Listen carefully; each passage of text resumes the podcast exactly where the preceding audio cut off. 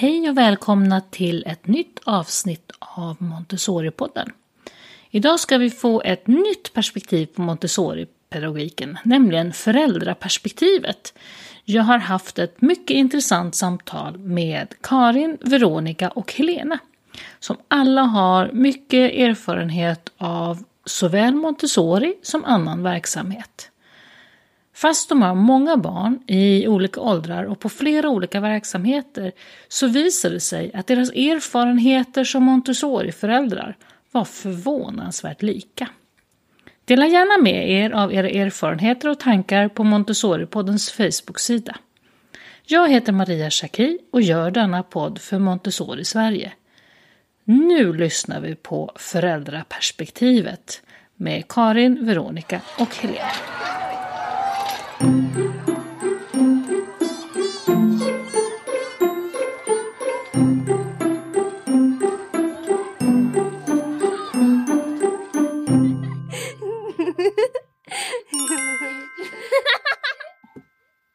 Välkomna till Montessori-podden.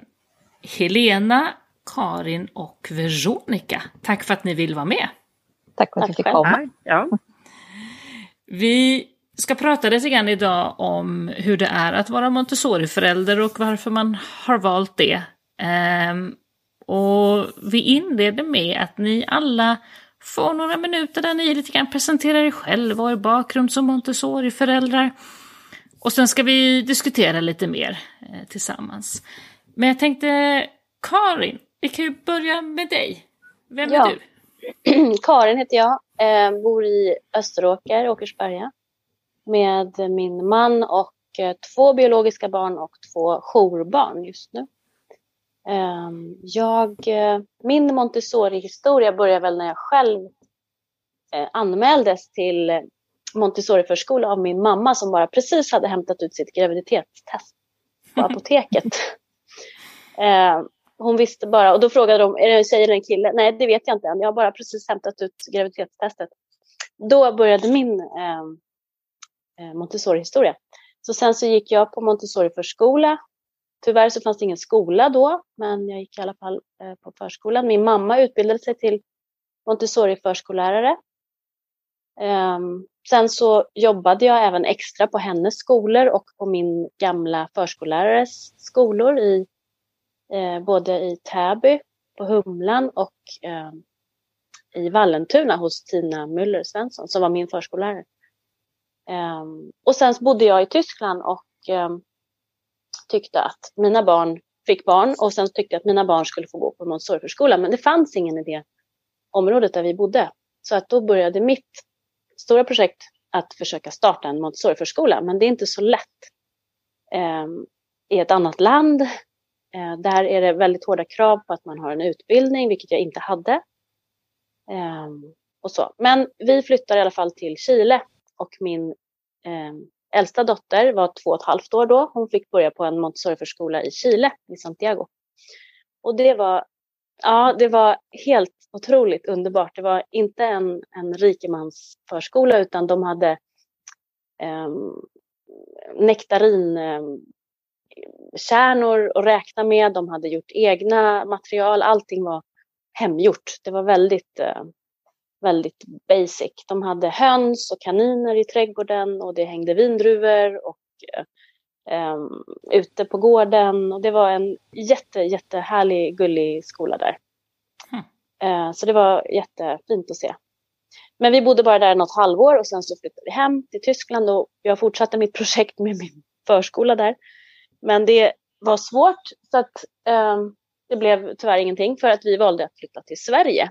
Och då blev det Montessoriförskola för mina två eh, små barn i Octopus i Åkersberga. Och eh, det var super, jättebra. Sen fortsatte de upp, eh, min äldsta började på Akers i FN. Sen så, det är en Montes- var en Montessori-inspirerad skola. Eh, sen böt vi till Solbackens eh, skola som öppnade då precis när hon skulle starta ettan. Så då kom vi in i den liksom som första nystart. Mm. Så där eh, gick mina barn ut upp till femman. Och nu har jag en eh, jourflicka som är sju år som också har fått plats på Solbacken. Eh, och hennes lilla syster, hon är fem, hon går på Neptunus i Åkersberga, också en Montessori-skola. Och jag har jobbat, vikarierat ganska mycket på Solbacken eh, under förra året och jobbar även som spanska lärare där. Och har gjort det i tre år nu. Ja. Så det är väl min eh, Montessori-historia kan man säga. Ja, ganska lång helt enkelt. Ja, det är mycket, mycket små in. Ja, så är det. Mm. Nej, men vi är nöjda. Veronica, vad är din Montessori-historia? Ja, jag bor i, i Tyresö då med min man och våra sex barn. Eh, bara de två äldsta inte har gått Montessori alls. De har gått kommunal skola och sen eh, har de gått eh, eh har de gått vidare i fyran till internationella engelska skolan. Ehm, så där har jag lite att jämföra med sen. Men den, det tredje barnet, han började, när han skulle börja i förskoleklass, då sökte vi plats i Montessori-skolan till honom och han fick plats. Ehm, och då när han fick plats, då sökte vi liksom plats för de yngre syskonen på förskolan också på en gång. För där kommer man in på syskonförtur och sånt får man ju mm. passa på att glida på. Mm.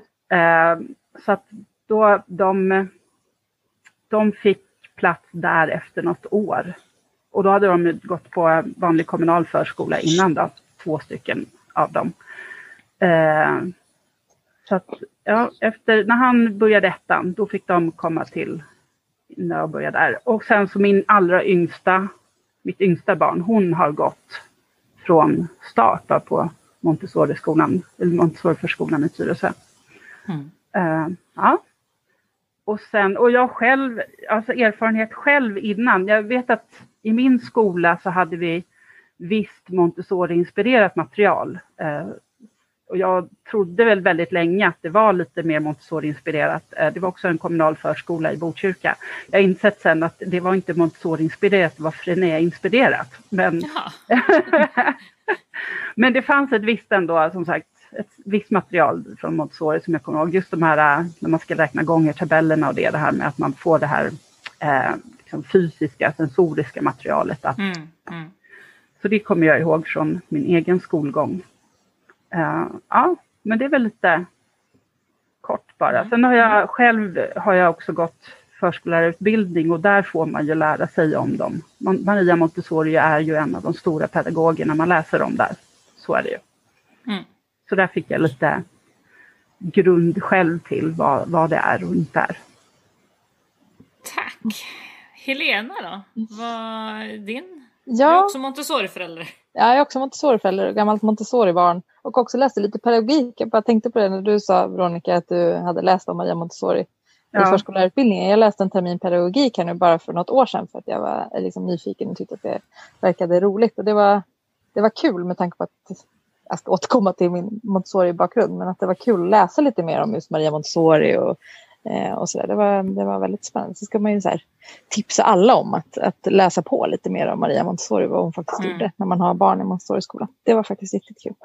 Men jag, jag har ju tre barn. Jag har ett tvillingpar som går i förskoleklass, eh, Oskar och Vera, och så har jag en, en kille som går i trean, eh, Edvin. Och de har gått Montessori sedan förskolan allihopa. Och vi, eh, alltså för mig var det ganska så naturligt att eh, söka sig till Montessori. Vi har, jag bor i Vaxholm eh, och vi har en Montessori-förskola här eftersom jag är gammalt Montessori-barn. Jag började på Montessori-förskolan när jag var fem. Innan dess var min mamma hemma med mig. Ehm, och sen gick jag i skolan upp till femman i Montessori. Ehm, jag kommer ju liksom fortfarande, jag vet att när vi var på studiebesök när Edvin skulle börja förskolan, att vi man kom in och såg materialen igen. Jag blev, helt, jag blev så, barn på nytt och ville bara lägga mig på mattan och räkna med guldmaterialet. Typ. Ja, men det där känner jag igen också. där. Man känner igen och så blir man så här, åh, wow. Ja, nej, så det var ganska naturligt för oss att välja Montessori till, till Edvin. Mm. Ehm, och också, det, vi kanske komma tillbaka och prata mer om eh, vad, eh, hur det passar våra olika barn. Men jag tyckte att det passar också, passar också Edvin liksom perfekt. Eh, mm. Jag är otroligt tacksam för att vi vi fick, fick plats för honom där. Och sen var det ju bara att köra vidare när de andra två kom på något mm. vis. Eh, så att jag har liksom, ja, jag gick ju sexan då i vanlig, vanlig klass. Jag hade bänk med lock och grejer. Det var ju jättekonstigt. Eh, så det är liksom min enda referens till vanlig skola. Om, om vi går ett varv sådär och pratar om, ni har ju alla valt Montessori och en del nästan med födseln själva. Ehm, men om ni tänker som Montessori-föräldrar, för det här är lite ett nytt perspektiv för oss i podden. Vi har pratat med många pedagoger på alla möjliga sätt. Men vad har varit för er det bästa under er tid som Montessori-förälder? Vad, vad, vad är era bästa upplevelser? Vem vill börja? Jag kan. Jag, jag, jag, känner, jag kan nog börja kanske lite med den frågan. Eh, eftersom jag också har ganska ändå stor erfarenhet av annan, annan liksom vanlig förskola och skola. Mm. Uh, och jag kan uppleva att en av de största skillnaderna uh, är egentligen inte så mycket kanske materialet och så i sig, utan mer den här inställningen till att det är viktigt att lära sig det hänger ihop med materialet också, med, men att det är viktigt att lära sig så här grundläggande färdigheter i vardagen. Mm. Att man faktiskt vågar lägga fokus på det. Mm. För det känner jag i, annars i förskola generellt, så är det som att det, det har blivit nu med, med läroplanen, det är jättebra med läroplanen för förskolan, men det har också blivit väldigt mycket fokus på eh, kunskap. Och då helt plötsligt, jag menar för, för en tvååring så en jätteviktig kunskap kanske faktiskt att hur man sätter på sig en vante själv. Kan jag känna. Men och då har det liksom blivit så stort fokus vid att då ska en tvååring kanske istället liksom kunna med ord beskriva saker eller de ska kunna liksom göra andra kopplingar på som egentligen är lite för högt upp för dem, men man ska börja där någonstans. Men att, att har vi, vågar vi fokusera på de här äh, basic färdigheter som att ja, men ösa, hälla, klä på sig själv, hur man hur man liksom drar ner byxor och drar upp byxor. Sådana färdigheter som gör att man faktiskt klarar sig själv i vardagen. Då finns det mer energi liksom sen och även en, en viss självkänsla som man har att bygga på när man ska lära sig mer komplicerade saker senare. Hela självständighets, den, ja. den praktiska självständighetsfostran. Liksom. Jag tycker, den är mm. jätteviktig. Mm. Uh, och det är som att det vågar inte, de flesta våg, förskolor vågar inte lägga tid på det. Mm. Intressant. Jag, kan, jag håller med dig. Jag tycker mm. att det där är super, super bra. Och det, tycker att, som sagt, jag har inget att jämföra med mellan barnen, men jag, man kan jämföra med liksom andra barn i ens närhet. Men hela den här grejen med att sätta på sig ja, men, kläder och jackor och gå på toaletten och hälla mm. upp saker och skära saker. Och det, det är liksom, eh, det är väldigt så här, självkäns... Alltså det stärker ju dem som personer, vilket gör att de vågar göra massa andra saker som, eh, som är bra. Jag tycker att det, det har varit väldigt, väldigt bra och kan också eh, som sagt, jag har inget att jämföra med, men det känns i alla fall som att mina barn har fått ännu mer liksom, eh, utifrån sina egna behov och vart de befinner sig just mm. nu på ett helt annat sätt än vad jag upplever i alla fall att andra föräldrar har liksom berättat för mig. Eh, och det har betytt ja. jättemycket för oss. För att, ja, men barnen är, eh, mina barn är väldigt olika som personer. De behöver väldigt olika saker. De har verkligen fått det. Eh, och det är jag extremt tacksam över. Eh. Ja, jag tycker också att någonting som är viktigt är att bara den här grundprincipen, fredsbilden som Maria Montessori hade som var väldigt viktig. Just att man är artig mot varandra, att man är snäll mm. mot varandra, att man hjälper varandra, att man stöttar. Är man stor så stöttar man en liten.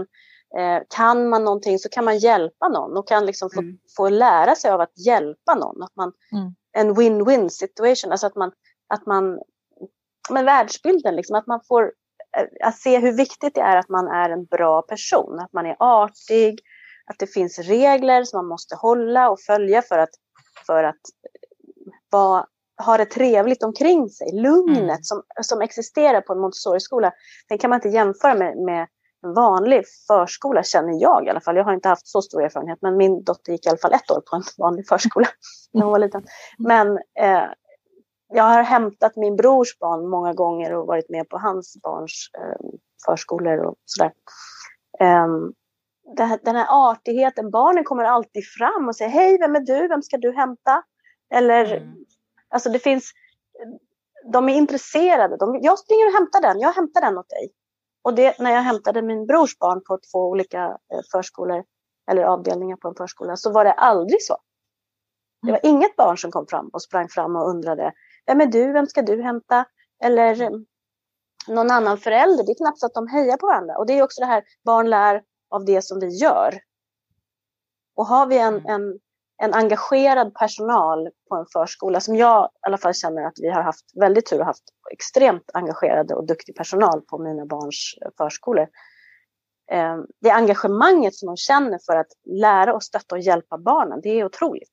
Och det gör också att de har det, och det speglar ju barnen, att det är viktigt att lära, att det är fint att vara artig, att det är viktigt att säga tack för maten, att vi väntar på varandra.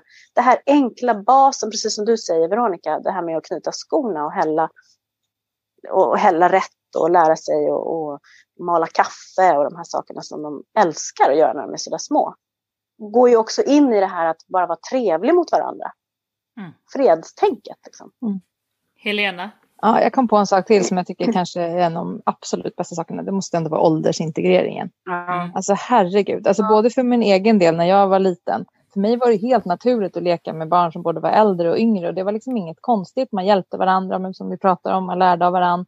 Ja. Eh, och för mina barn nu är det ju liksom ovärderligt. Eh, mm. Och jag kan liksom inte förstå de här små lådorna med här, de som är födda det här året, de får bara göra saker tillsammans. Sen när man är född på andra sidan årsskiftet, då är de tillsammans. Mm. Eh, det kanske inte alls passar de barnen. Eh, det tycker jag, det kommer jag på nu. Det är mm. extremt eh, värdefullt.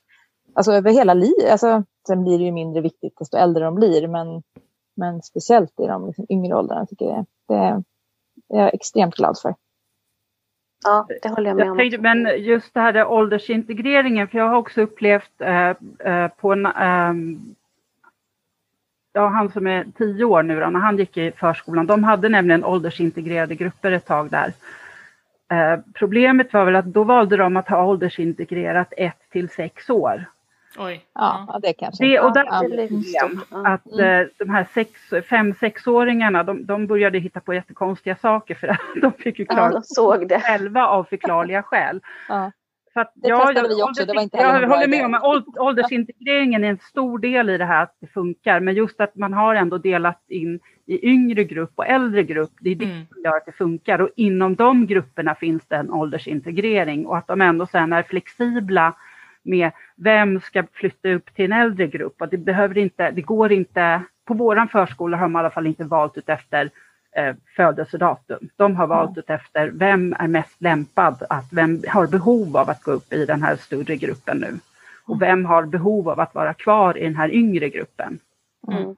Um, och det är väl också det här med att det finns en, jag vet inte vad, både, inte flexibilitet egentligen, utan med en inkännande av liksom vad just som ni har sagt, vad har det här barnet för behov? En lyhördhet. Ja, precis. Man måste mm. känna efter vad har varje barn för behov och så utgår man ifrån det.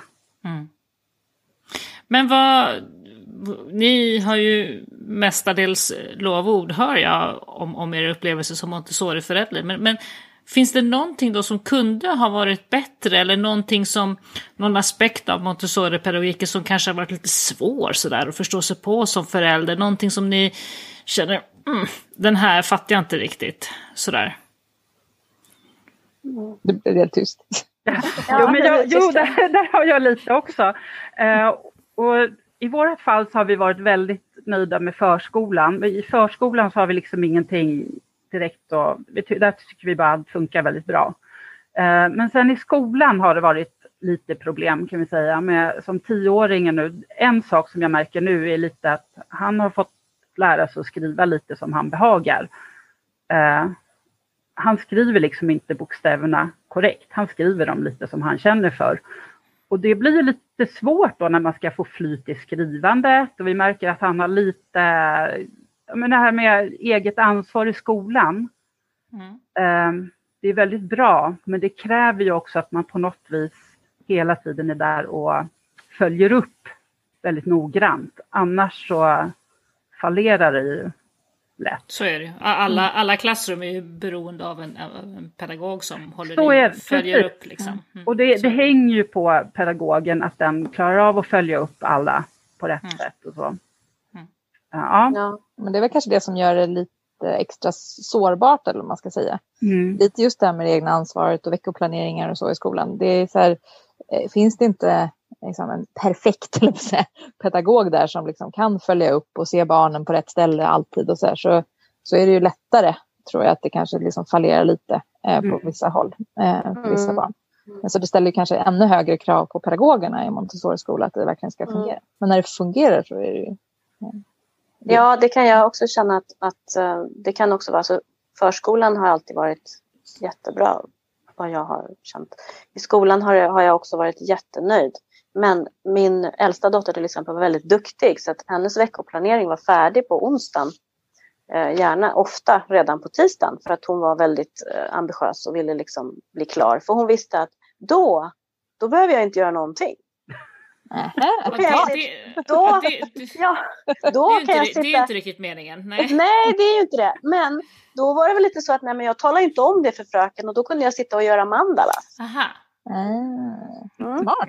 Och Det det, kreativt och det, måste man säga. ja, väldigt. Och, då kunde, och det var de några tjejer där som var väldigt eh, liksom, duktiga och snabba med sitt Mm. jobb. Och jag kan väl känna sådär, där hade man kanske kunnat fånga upp henne då lite tidigare och se Ja. att hon behöver lite mer. Hon Ja, behöver lite absolut. mer, lite svårare, lite större arbeten för att fylla upp veckan. Liksom. Mm. Utan att hon ska behöva stressa ihjäl sig måndag, tisdag, onsdag. Mm. För att sen få lugnt torsdag, fredag. Mm. Utan lite lagom sådär. Att bromsa henne lite tidigare kanske.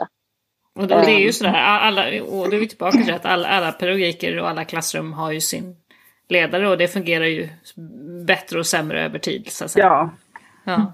Jag känner att det har inte med, eh, det har inte med pedagogiken i sig Nej, att göra som sagt. Utan Nej. det är ju det. Det är ju upp till pedagogen hur det Mm. slutändan fungerar. Ja, Mm. ja. Och är det en, en, en större grupp, eh, de här var de en 4, 5, 6. De var väldigt få i, ja det var en 4, 5 ja, för det var ingen i sexan. Jag tror att det var, ja, eh, de var fyra eller fem stycken i, i femman. Så det var ganska små grupper liksom och fyran var de väl 12 tror jag. Mm. Så det var små grupper men det fanns några som var, behövde lite mer stöd och då är det lätt att de här duktiga barnen liksom, Mm. de klarar sig så bra själva så att då behöver de inte så mycket stöd. Mm. Och då kan de slinka emellan där och få sitta och måla mandalas. Och det tycker ju de var jätteskönt. Men jag som förälder kan ju tycka att oj, där kanske ni skulle ha fångat upp henne lite mer. Såklart. såklart. Jag kommer ihåg det från min skolgång att jag hade ja, men ett par eh, i min klass som var så här, riktigt, riktigt vassa på typ matte. Jag kommer ihåg att imponerade jag var att de läste typ högstadiets matte i mellanstadiet och sånt där. Så att Mm. när det funkar så funkar det ju väldigt Ja, bra. Men då är man ju precis. hela tiden tillbaka till okej, vem är, det som är pedagogen i klassrummet och, Ja. och dens eh, Mm. komplexa uppdrag att se alla. Mm. Mm. Mm. Men, men flera av er har ju, mm, allihopa, ni har ju många barn allihopa. och många barn med olika personligheter tänker jag. Mm. Ehm, Känner ni att det har passat alla era barn lika bra? Att, att alla era barn har hittat sin plats i Montessori-pedagogiken? Eller finns det barn som, har, som ni har upplevt som det kanske inte riktigt har funkat lika bra för? Jag tycker att mina barn i alla fall har det funkat väldigt bra. Jag har ju två jourbarn nu också som kommer från helt andra förhållanden. De har bott hos oss sedan i mars och eh, fick börja förskola och skola i september. Eh, och låg, i alla fall sjuåringen var efter i bokstäver, läsande, skrivande och så. Men hon har fångats upp väldigt bra och trivs super, verkligen. Eh, och då kommer hon från en helt annan skola och eh, jag, tycker att, men jag tycker att alla barn har passat väldigt bra men jag tror att det är särskilt de här som, som kanske har haft större behov. Mm. Eh, så har det varit jättebra för henne att snabbt. Eh, hon har fått hitta sin väg. Det är inte så att hon ligger efter. Hon är inte en, en de är ju så olika nivåer i skolan så att, och det gjorde ingenting att hon låg liksom lite efter i början. Mm. Och där har ju hon nästan kommit ikapp dem nu och det känns ju jätteskönt för henne också. Att, nej, men nu kan jag också läsa. De andra kunde, men nu kan jag också. Ehm, och det blir väldigt fint. Mm. Hur tänker ni andra kring era barn som säkert har lite olika personligheter? Har det funkat för alla eller är det någon som det har funkat sämre för? Så att säga? Ska jag börja Veronica? Eller? Ja, gör det. eh, nej, men jag tycker att det har funkat bra för alla tre. De är ju väldigt olika personligheter. Speciellt kanske min äldsta och min dotter är liksom på varsin ända av, av, av någon form av, av skala. Eh, men som jag sa, mitt, ja, men Edvin, min, min äldsta, är mycket mer liksom, försiktig och inte alls lika liksom, framåt på något sätt. Och det, det passade honom perfekt. Men däremot Vera som är mycket mer så extrovert och överallt hela tiden tycker att det funkar väldigt bra för henne också. Jag ser liksom inte att eh, ja, men de fångas upp på olika sätt liksom, på något vis. Eh, mm. Så jag ser inte att det är någon... Och Oskar som är lite, han är lite i mitten. Han funkar överallt på något vis. Mm. Mm. Mittenbarn, fast, mellanbarn fast han inte är mellanbarn eftersom han är tvilling. Men det, han är vårt mellanbarn ändå. Vad säger du Veronica? som har flest uh, barn? Ja, Nej, men jag, jag känner det är lite risk just när man kanske har, som jag har, eh, ja men just den här han tioåringen, som, den här som gör gärna så lite som möjligt. Att eh, det är lite risk att man, att, att det som sagt inte allt blir riktigt gjort som det ska om man inte har en lärare som verkligen är på och är med. Sen, och sen har jag, vi har märkt ett annat, någonting som är liksom jag vet inte, en uh, udda nackdel. Uh, för vi har en av, uh, av min äldsta son, han, han har NPF-diagnoser med ADHD och autism. Han har inte gått till Montessori. Vi började söka liksom till Montessori för hans del, men han fick aldrig plats. Eh, men eh, det har ju gått bra för honom ändå. Och sen så ser vi lite liknande tendenser hos ett yngre syskon här, men nu är det en tjej. Men liksom, de är väldigt lika men ändå olika. Och då blir det lite av ett problem när man ska söka hjälp hos ja, BUP eller vad det är. Eh, för att då är, vi har ju liksom lite kunskapen hemma, vana att anpassa. Förskolan och skolan är väldigt vana att anpassa. Eh, och så har vi då en tjej som är ganska duktig på att maskera sina svårigheter. Och då, liksom, då går det inte att få hjälp, för det är inget problem i skolan. Nej, de, är, de är för bra på att hantera det helt enkelt. Ja, det, kan, ja. det blir ett problem i dagens samhälle mm. som det ser ut idag. Mm. Eh, och vi vill fånga upp det här innan det blir ett problem. Mm. och det mm. blir ett, lite av ett moment 22, men det är på gång med skolan nu ändå, att de har börjat uppmärksamma liksom, att det finns ett problem. Men som mm. sagt, att liksom, både förskolan och skolan har varit för bra att möta upp de här, eh, hennes problem. Eh, och vi liksom är vana vid det och har redan strategier mm. för att möta det. det. Det måste jag lägga in lite, för min dotter, min 15-åring, hon har ju gått eh, Montessori till och med femman. Sen böt hon till sexan och går nu vanlig skola. Och i slutet av sjuan så eh, bröt hon ihop om att ha mått jättedåligt sedan dess. Eh, och nu har vi fått sedan ett år tillbaka också autism och eh, ADHD-diagnos på henne. Mm. Eh, och vi har ju inte sett det här alls. Nej. Eh, och jag vet inte om det är så att Montessori funkade så extremt bra för henne så att vi aldrig behövde någon hjälp eller något stöd eller så. För hon var ju extremt duktig. Hon var ju klar med sin arbetsplanering på, på onsdagen. Mm. Sen satt hon och målade sina mandalas. Och hon var nöjd och vi var nöjda och fröken tyckte bromsa lite bara, ta det lugnt, du behöver inte vara så ambitiös. Du kan... Och då känner man, ja, där finns det ju inte några problem. Liksom. Mm. Eh, sen började hon i en vanlig skola och det gick jättebra. Hon låg ju före alla andra i matten. Hon hade redan gjort halva boken.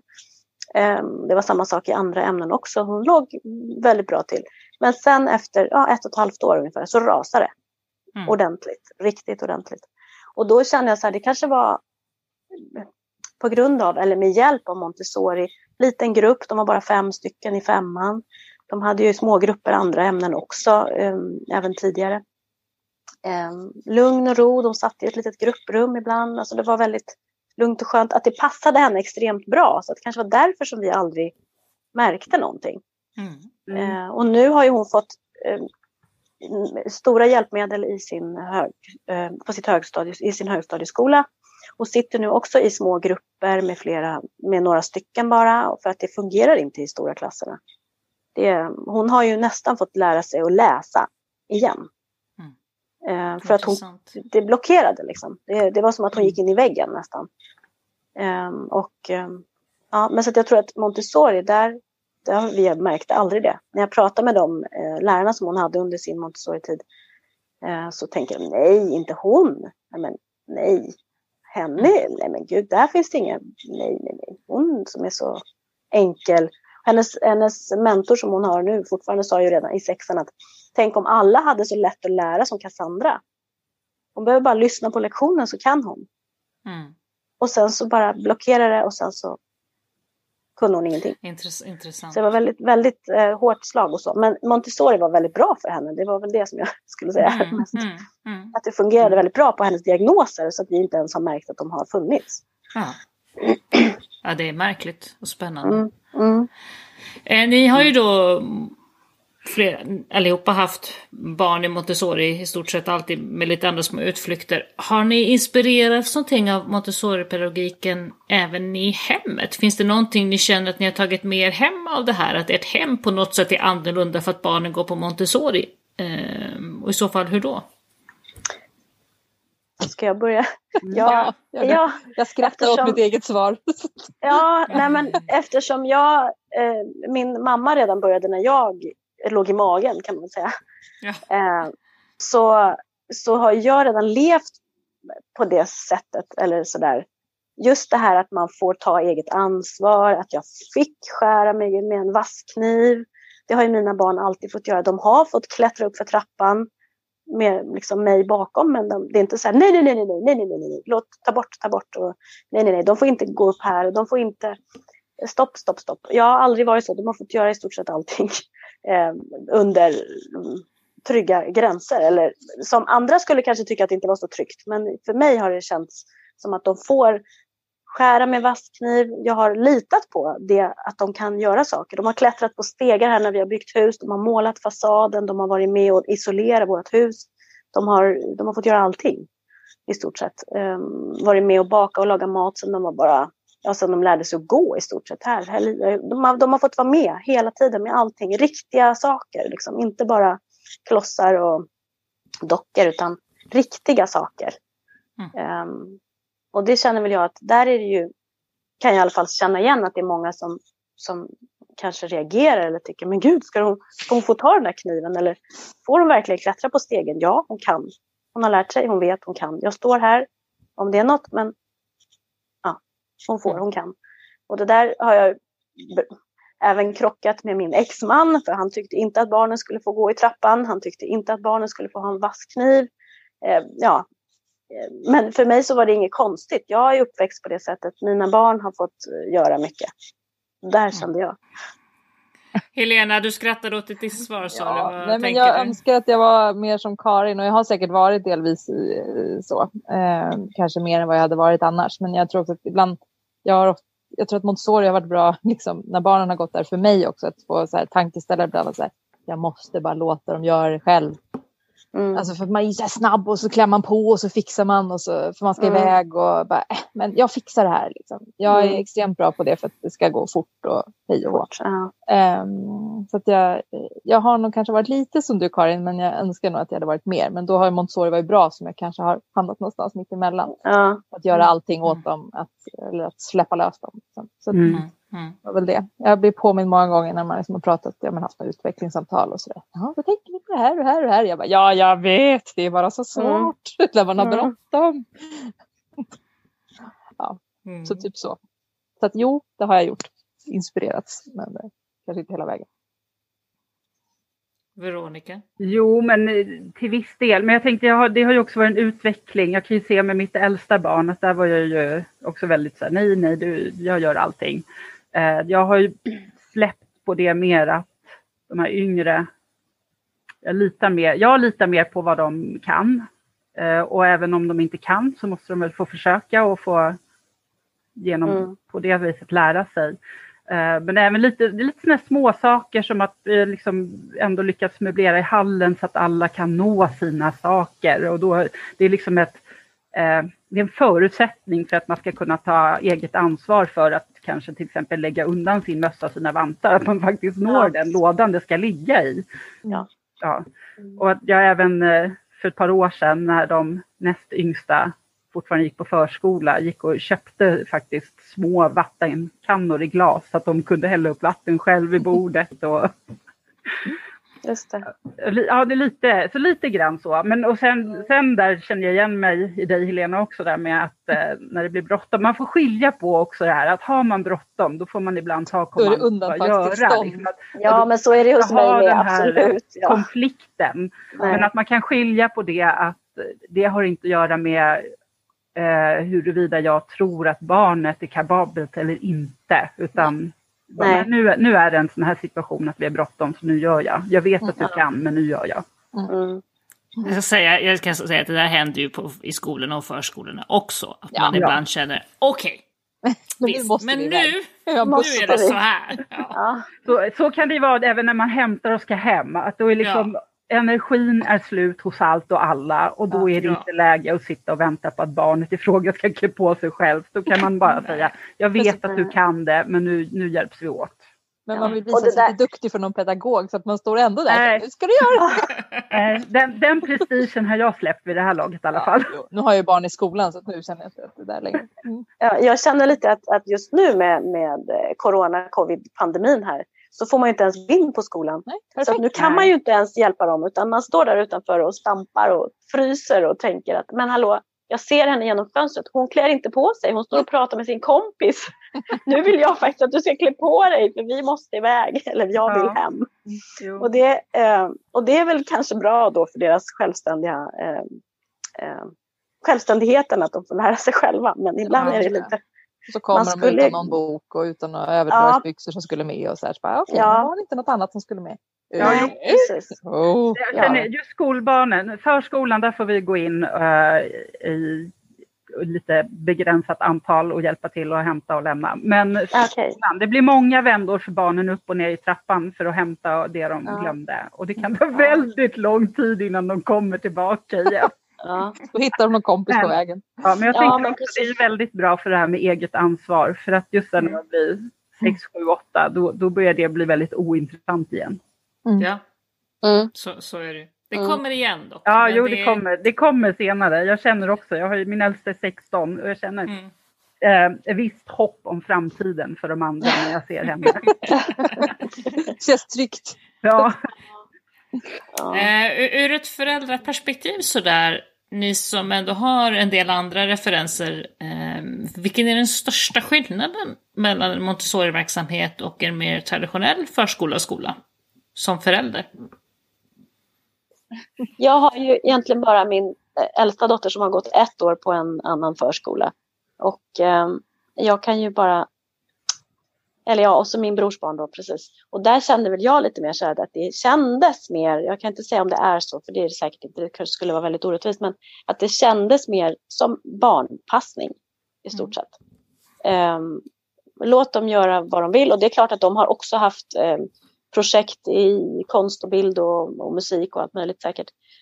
Um, såklart, men det kändes mer som att de var där för att förvaras lite, grovt sagt.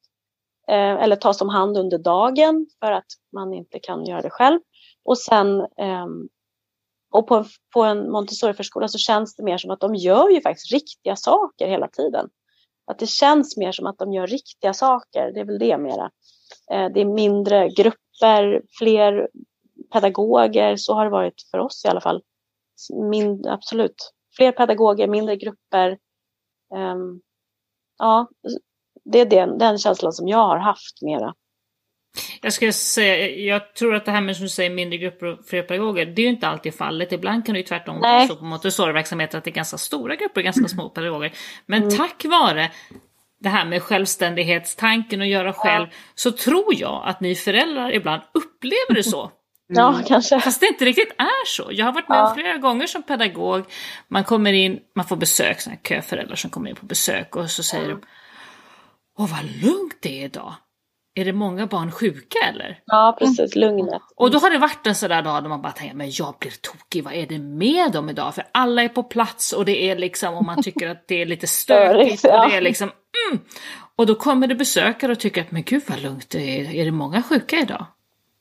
Okay. Eh, så, så, så så ibland kan jag känna att... att eh, ja, men det stämmer nog. Alltså på mina barns förskola, eh, det här Octopus som de gick på i Åkersberga, eh, där var det ju ganska stor grupp. Det var en stor, det är en väldigt stor lokal, den har inte så mycket väggar, utan det är en stor mm. öppen lokal. Um, mer personal kanske, men det var också lugnt. Man gick in där, mm. man, man, fick liksom en känsla av lugn och ro. Mm. Alla satt mm. med sitt och fixade lite. Vissa satt ju tillsammans med, något, med någon annan, småpratade lite, men det var inte det var inget tjo och tjim och stoj så, utan det var lugnt. Det var lugnt så ändå. Eh, fast det var en stor grupp, så det har du rätt i. Det var inte så små grupper, men man, det kändes ju som att det var små mm. grupper. Mm. Ja, så det är lugnet, det är absolut. Eh, Ja. Veronica, vad upplever du som skillnad? Alltså, när, när vi Eh, började på Montessori så kan jag känna att den faktiskt största skillnaden som jag, alltså det som var verkligen slående skillnad är att alltid i alla år när vi har lämnat och hämtat barnen så har vi liksom, de har gått in i lokalerna och så lämnar man där. Medan på våran Montessori-förskola, där har de på båda de avdelningarna, har de en regel att man, även innan liksom coronapandemin här, man lämnar i hallen.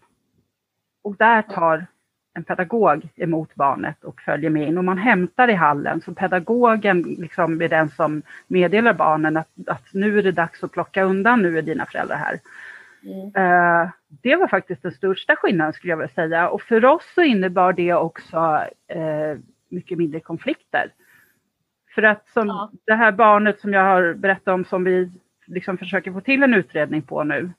Eh, där var vi sista året kom vi på liksom trixet att jag ringde när jag skulle komma och ungefär 15-10 mm. minuter innan sa jag är på väg och då kunde de förbereda henne och då ofta resulterar det i att hon var till och med färdigklädd i hallen jämfört med när man kommer och liksom avbryter och säger nu ska vi gå hem och så har man, har man ett barn med svårt med övergångar och svårt att bryta någonting, då blir det en jättekonflikt varje dag. Mm. Mm. Eh, så, så, den biten, liksom, för att det är också barnen har lite lättare att ta det på något vis när, när pedagogerna kommer och säger att nu är det dags för dig att gå hem, nu får du plocka undan.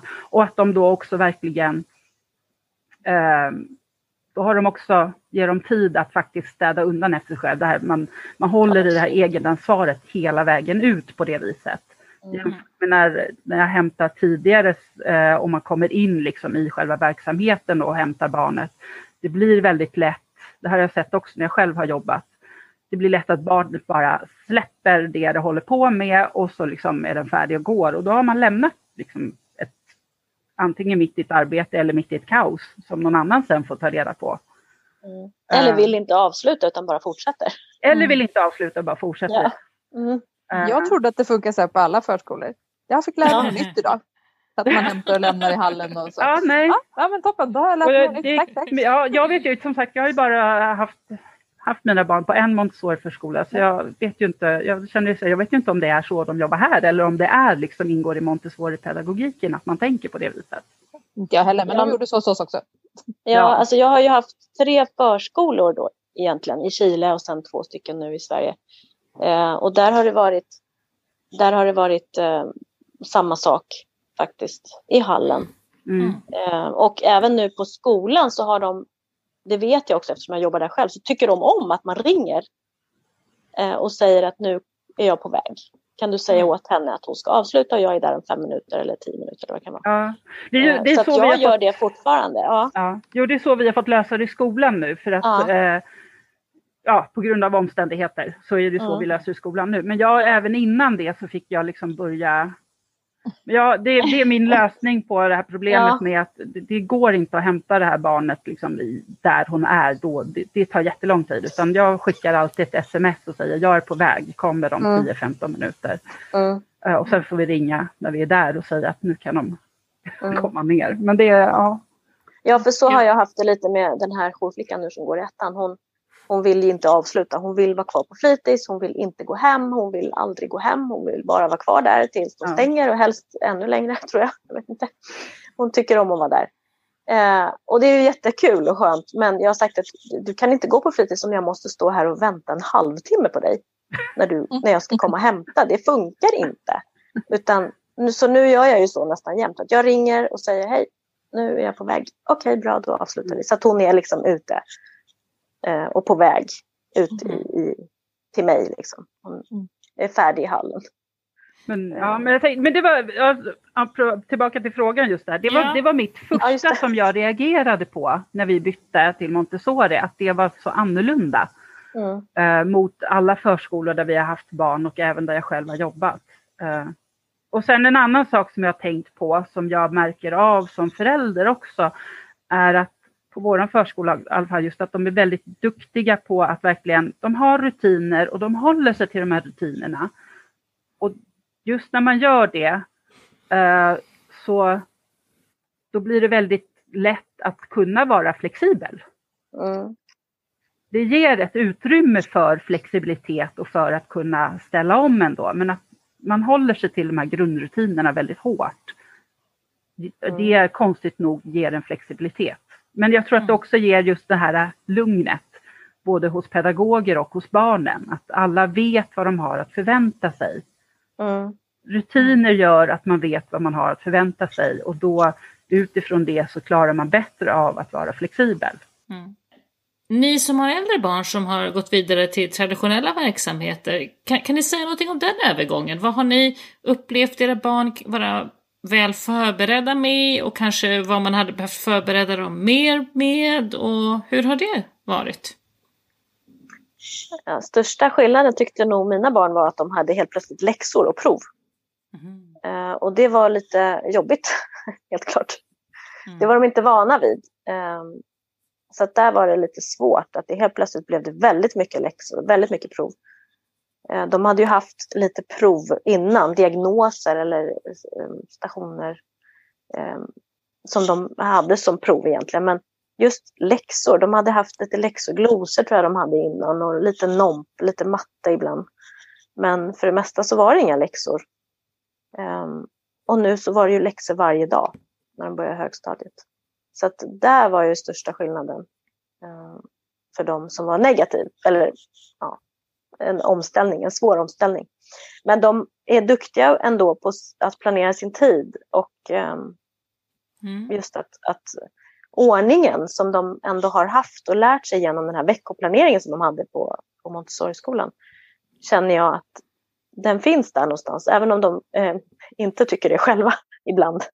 Mm. Men jag tror ändå att den finns där när de har mycket läxor eller mycket prov, att de försöker, ja men nu ska jag göra det här, ska jag göra på torsdag, det ska vara klart på tisdag, men jag har så mycket matte så då kan jag göra eh, NO på torsdag och sen så kan jag göra eh, under helgen, ska jag göra lite på lördagen och lite på söndagen och det känner jag att de kan liksom tänka så. Istället för att vänta till sista dagen och sitta där med allting. Mm. Där tänker jag att det har de säkert fått ifrån eh, veckoplaneringen. Att de måste liksom lägga upp sin tid för att veta hur de ska hinna med det de ska göra. Säk säkert. Ja, och där känner jag att det, det är en, en um, ett ansvar som de har lärt sig och som de mm. fortfarande mm. använder sig av. Mm. Mm.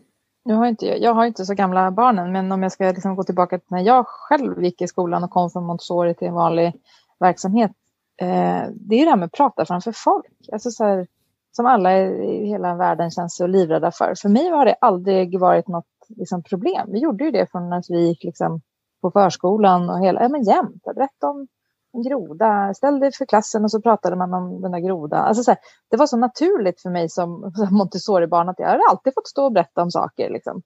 Ehm, så jag hade aldrig den rädslan tror jag som i stort sett alla mina andra klasskamrater som kom från vanliga verksamheter hade. Det skulle jag säga är en så typisk eh, bra mm. grej. Sen, sen, kan man ha problem att prata framför folk ändå, men jag tror att man har fått i alla fall lite andra förutsättningar om man mm. har gått i Montessori-verksamhet än om man har gått i en traditionell skola, tror jag. Det kan, saker och ting kan ju förändras på mm. många år, men eh, jag tycker ändå att det var, det var en tydlig liksom, skillnad. Mm. Veronica? Ja, nu har jag, alla mina tre äldsta har ju bytt skola i fyran.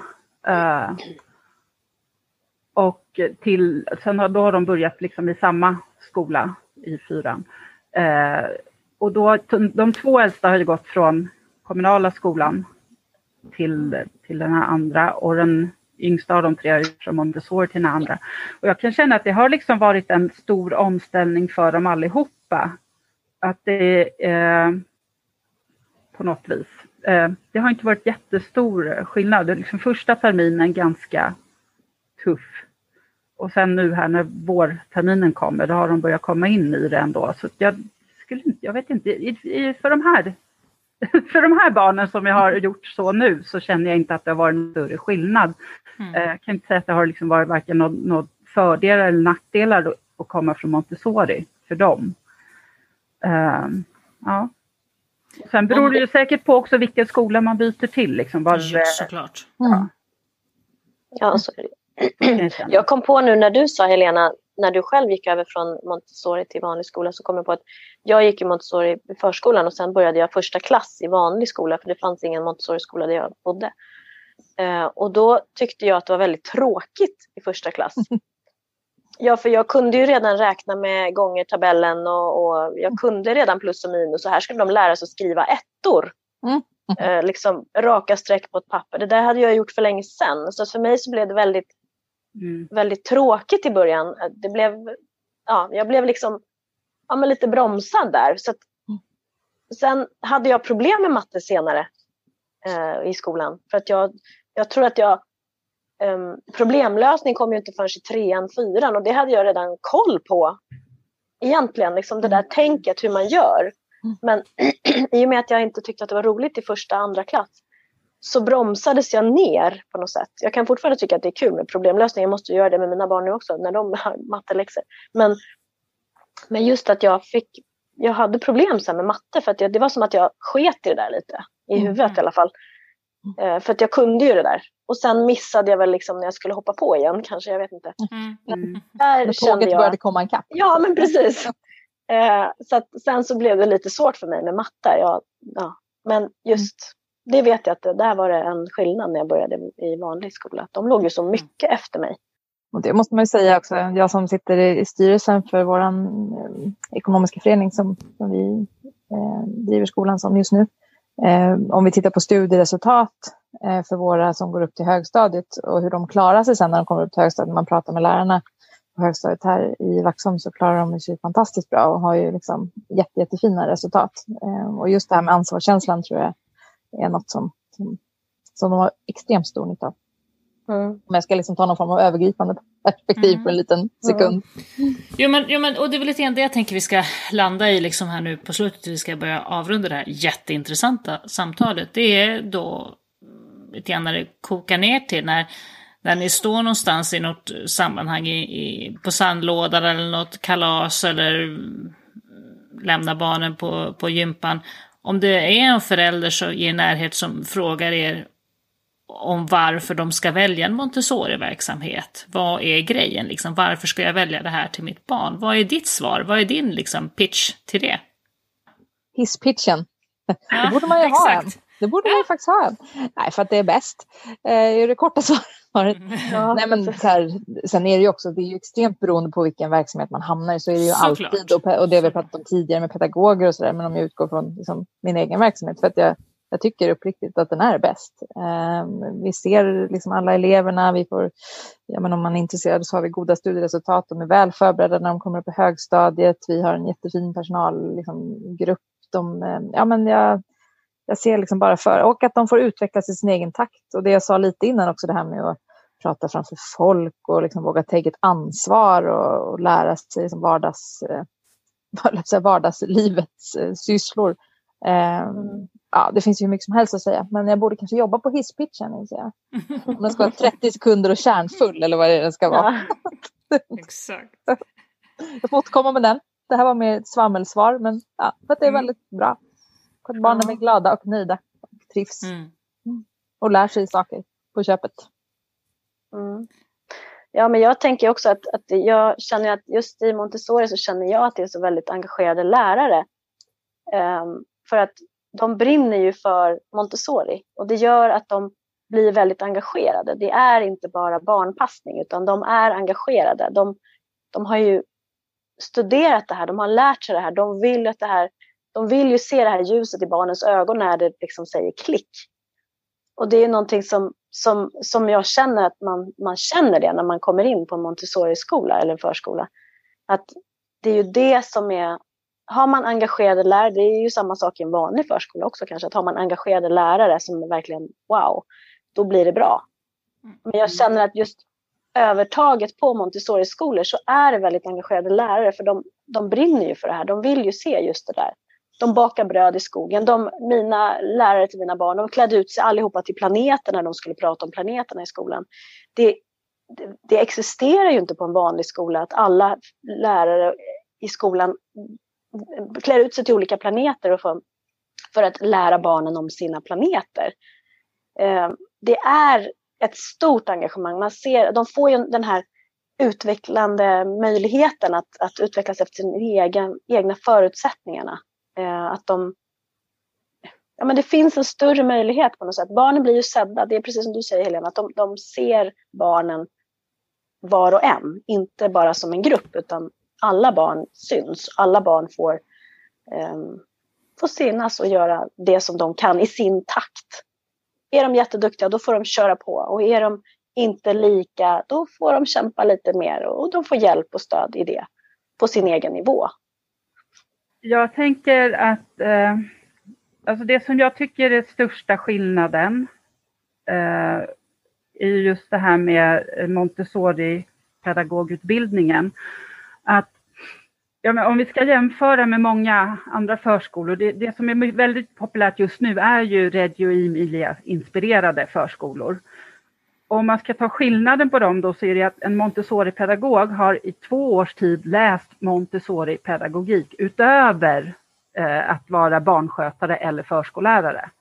Medan eh, som just Reggio Emilia, där han, så som de lär ut det, det är ju att eh, ett par stycken pedagoger från förskolan går på en kurs eller liksom en föreläsning och sen så ska de liksom föra vidare den kunskapen till sina kollegor. Och det blir ju lite mm. viskleken. Mm. Uh, och det blir lite förvirrat. Och det finns ingen förvirring. Alltså, när man har gått den här Montessori Eh, pedagogutbildningen. Då, de är liksom på det klara med vad den här pedagogiken är, vad den går ut på, hur vi ska tillämpa den. Det känner jag är det största och det är det som jag känner det är det man kan sälja det på också. Alla drar åt samma håll lite. Ja, att all, alla vet vad det handlar mm. om. De, är, de mm. vet. Mm. De har Ja. Just det där med pedagogisk samsyn ja. som det här handlar om. Det är ju någonting som man vet är en stor framgångsfaktor för skolor. Mm. Mer, än, ja. gans, mer än ganska mycket annat. Mer än antal barn, antal pedagoger. Mm. Både det ena och det andra. Men just den här pedagogiska samsynen. Och då är det ju kanske sådär som mm. ni båda säger där att det här har man lite gratis i en Montessori-verksamhet för att mm. det är mm. pedagoger som har valt någonting ganska aktivt och har ja, studerat, det ganska, studerat det ganska väl så man vet vad det är. Man mm. börjar liksom diskussionen lite grann på en annan nivå kanske. Mm. Mm. Och sen tänker jag också nästa just det här med eh, som är så typiskt för Montessori, att man börjar i det konkreta för att sen mm. jobba sig till det abstrakta. Det att, mm. att, man har en kunskap i hur, det, hur man ska göra det på ett praktiskt sätt. Mm. Att man har ja, det brukar jag om att man kan göra det och att hur man ska göra det. det. Jag brukar nog också säga det om det är någon som frågar varför Montessori. Då brukar jag säga det. Alltså, det är inte bara att jag lär mig att 4 plus 4 är 8 utan jag får också se åtta kulor. Jag får se fyra jag får se en tusenkedja, jag får se en hundrakub eller liksom tusen känna, kub. Känna och ta på det, inte bara. Jag får förstå det med alla mina sinnen, inte ja. bara liksom lära mig att 8 plus, 4 plus 4 är 8, utan jag får känna och lära mig med flera sinnen. Mm. Och det gör ju att jag tar in kunskapen på ett annat sätt. Och där, ja. det, det, är mycket det som jag känner att det är mycket värt. Mm. Och barnen får men för livet. För sen när de dundrar in där på den där förskolan när de själva har fått egna barn och ser det materialet igen. Så blir de helt, ja, då gråter de. Du får räkna lite med guldmaterialet. Ja. ja, men så, absolut så är det. så är det. Sen kan jag önska att, att flera föräldrar skulle veta vad det handlar om. Mm. Jag tycker att det ska vara ja. obligatoriskt för alla föräldrar som har sina barn på en Montessori-skola att de ska få gå en föräldrakurs. Mm. Jag tycker mm. För det, mm det, det drar ner väldigt mycket i undervisningen om det är många föräldrar som inte har en aning och kanske jobbar emot det här på hemmaplan. Mm. mm. omedvetet. Men jag tycker att alla föräldrar borde få en, en föräldraundervisning. Det hade vi, vet jag, på Octopus. Då var man tvungen att gå en föräldraundervisning en dag, tror jag det var. Mm. Alla innan, eller under första terminen som barnen gick där så var man tvungen att gå en, en utbildning. Så. Och det tyckte jag var jättebra att de, att de gör så. Särskilt om man inte har någon aning egentligen. Man kanske bara har valt den här skolan för att den ligger närmast. Mm. Mm. Eh, det, jag, det tycker på, jag. På våra föräldrar, eller vad heter det, föräldramöten brukar de alltid ta upp grunderna. Men det, nu när det, ja. vi har haft liksom barn där i några år så börjar det ju bli lite tjatigt. Ja, ja, precis, ja. så jag kan känna igen att eh, ja, det skulle vara bra om alla får en liten, en liten grundkurs i det. Ja. Sen skulle det vara jättekul om det skulle gå att ordna att man kanske kunde ha ibland lite kurser mer fördjupning. Till exempel mm. vad är sensitiva perioder och mm. ja, det skulle vara intressant ja. om det gick att ordna. Men just nu känns ju sånt lite avlägset. Ja, eller, eller, eller, så är det så att vi just nu kanske har lärt oss sådana här saker som vi gör just nu, träffas mm. eh, online, att det gör att man kanske kunde göra sånt lite mm. mer. Ja. På ett annat sätt. Det, och då blir det lättillgängligt också. Jag tänker att det är mm. många, om man inte är så i grunden liksom intresserad av pedagogiken kan man få liksom snabba eh, säga, små filmer eller med någon mm. frå frågeställning eller vad det kan tänkas vara. Mm. Så, mm. nu börjar vi produktutveckla det istället Maria. Ja, precis. Föräldrautbildning online. Ja, ja. precis. Då kör vi. jag vet, en av våra förskollärare eh, gjorde en del sådana här, liksom, man pratade om matematiken inom Montessori. Mm. Alltså, så här, med oss föräldrar. Det var ju toppenbra. Men det är ju det här med här, tid för småbarnsföräldrar. Då ska, måste det nog vara ja, det är väldigt, liksom. Ja, det är många som inte går på föräldramöten också. Ja, men precis. Ja, det, det måste vara en. Jag vet inte hur man ska få folk ja, Men, det är men just därför så tyckte jag att det var så bra då när det var liksom obligatoriskt. En mm. av föräldrarna måste gå den här utbildningen under första mm. terminen som ditt barn går på vår förskola. Mm. mm. Mm. Och sen så kan det räcka när du har sex barn så behöver du bara gå en gång. Men Ja, jo. Tack. Det ja, man borde inte börja börja om liksom. barnet gå en gång till. Nej, ja, nej det blir lite tjatigt. Då får man hålla ja. utbildningen kanske ja. efter sjätte barnet. Ja, ja precis. precis. Då, då håller man utbildningen i hallen. Ja. Varje dag. Ja, men verkligen. verkligen. Ja. Sen skulle jag önska att det, alltså, jag märker att, att alltså, när jag gick då var alla, eh, pers hela personalen var utbildad Montessori när mina barn gick så var det några som kanske inte var utbildade och jag märker att det, det är svårt att få mycket liksom genomgående eh, Montessori-utbildning i all personal. Mm, mm. Jag tror att det är svårt att hitta, men det, jag skulle önska att alla på skolan eller förskolan var utbildade inom Montessori.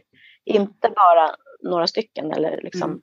I skolan är det i alla fall en eh, ja, klassföreståndare eller klasslärare eller vad man kallar det nu för tiden, mentor, som är utbildad. Men det alltid en assistent och då kanske den inte är utbildad. Och jag skulle ju önska att alla var det, även på fritids. Mm. mm. Tyvärr är problemet nu att ens hitta personal som är utbildade ja, precis, förskollärare precis. och barnskötare. Ja, och att ja. sen hitta någon som dessutom är Montessori. Montessori, ja. Mm. ja. Det är knepigt. Eh, jag kan ju mm. tänka mig att det är riktigt mm. knepigt. Ja. Ja, men, hör, men hörni, för att avrunda det hela. Eh, att jag säger tack så jättemycket Helena, Veronica och Karin för detta jätteintressanta samtal kring hur det är att vara Montessori-förälder idag. Tack, tack. Tack så jättemycket. Tack, tack snälla. Tack själv.